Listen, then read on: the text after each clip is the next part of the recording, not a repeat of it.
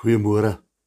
Ek gesels nog so 'n bietjie uit uh 1 Samuel 30 uit uh van nou Dawid wat wat uh oorlog gemaak het tot by huis kon alles mos nou weg. Die die familie is weg, die kudde is weg, die die kinders is weg.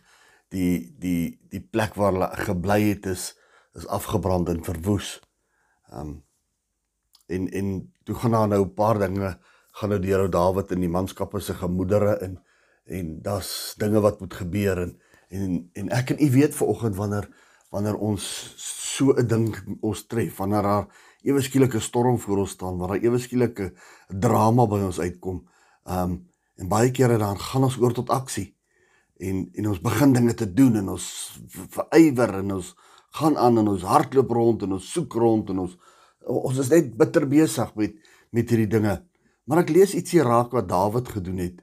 Ehm um, eers het hy homself versterk in die Here en goed, goed Maar in 1 Samuel 30 vers 8 doen Dawid 'n ander ding. Hy sê die skrif sê en Dawid het die Here geraadpleeg en gesê: "Sal ek hierdie bende agterna jag? Sal ek dit inhaal?" En hy sê vir hom: "Agtervolg, want jy sal sekerlik inhaal en sekerlik uitred." Ek moet jy my sussie Dawid toe hy toe pandemonium tref en in die gemors is nou daar, het Dawid nie net ewe skielik dinge begin doen nie. Dawid het sistematies begin om om dinge in plek te kry. Ons weet van vroeër af in vers 6 het Dawid homself versterk eers in die Here. Um en toe kom hy in vers 8 hy toe gaan raadpleeg hy die Here. Toe gaan vra hy die Here. Toe gaan vra hy vir die Here, moet hy dit doen?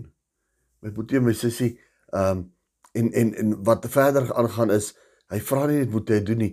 Hy hy, hy vra ook wat gaan gebeur wanneer ek dit doen? So hy het uit raad gaan soek by die Here. Doen ek en u dit?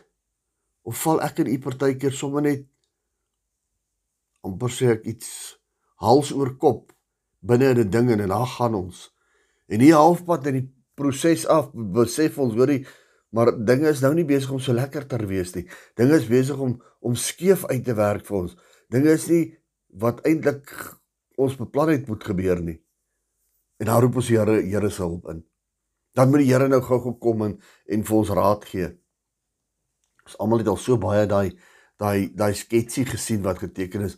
Daar's so potlood skets wat ons sê my roete, dan is ons so reguit streepie van punt A na punt B reguit streepie. En en dan sê ons die Here se roete, dan is dit so gekrabbel en so heen en weer. Weet julle wat my broer en suster? Ek dink die reguit streepie is tog moontlik. Ek dink as ons die regheid streepie wil hê, moet ons net meer by die Here hoor. Moet ons net meer gaan raad vra by die Here.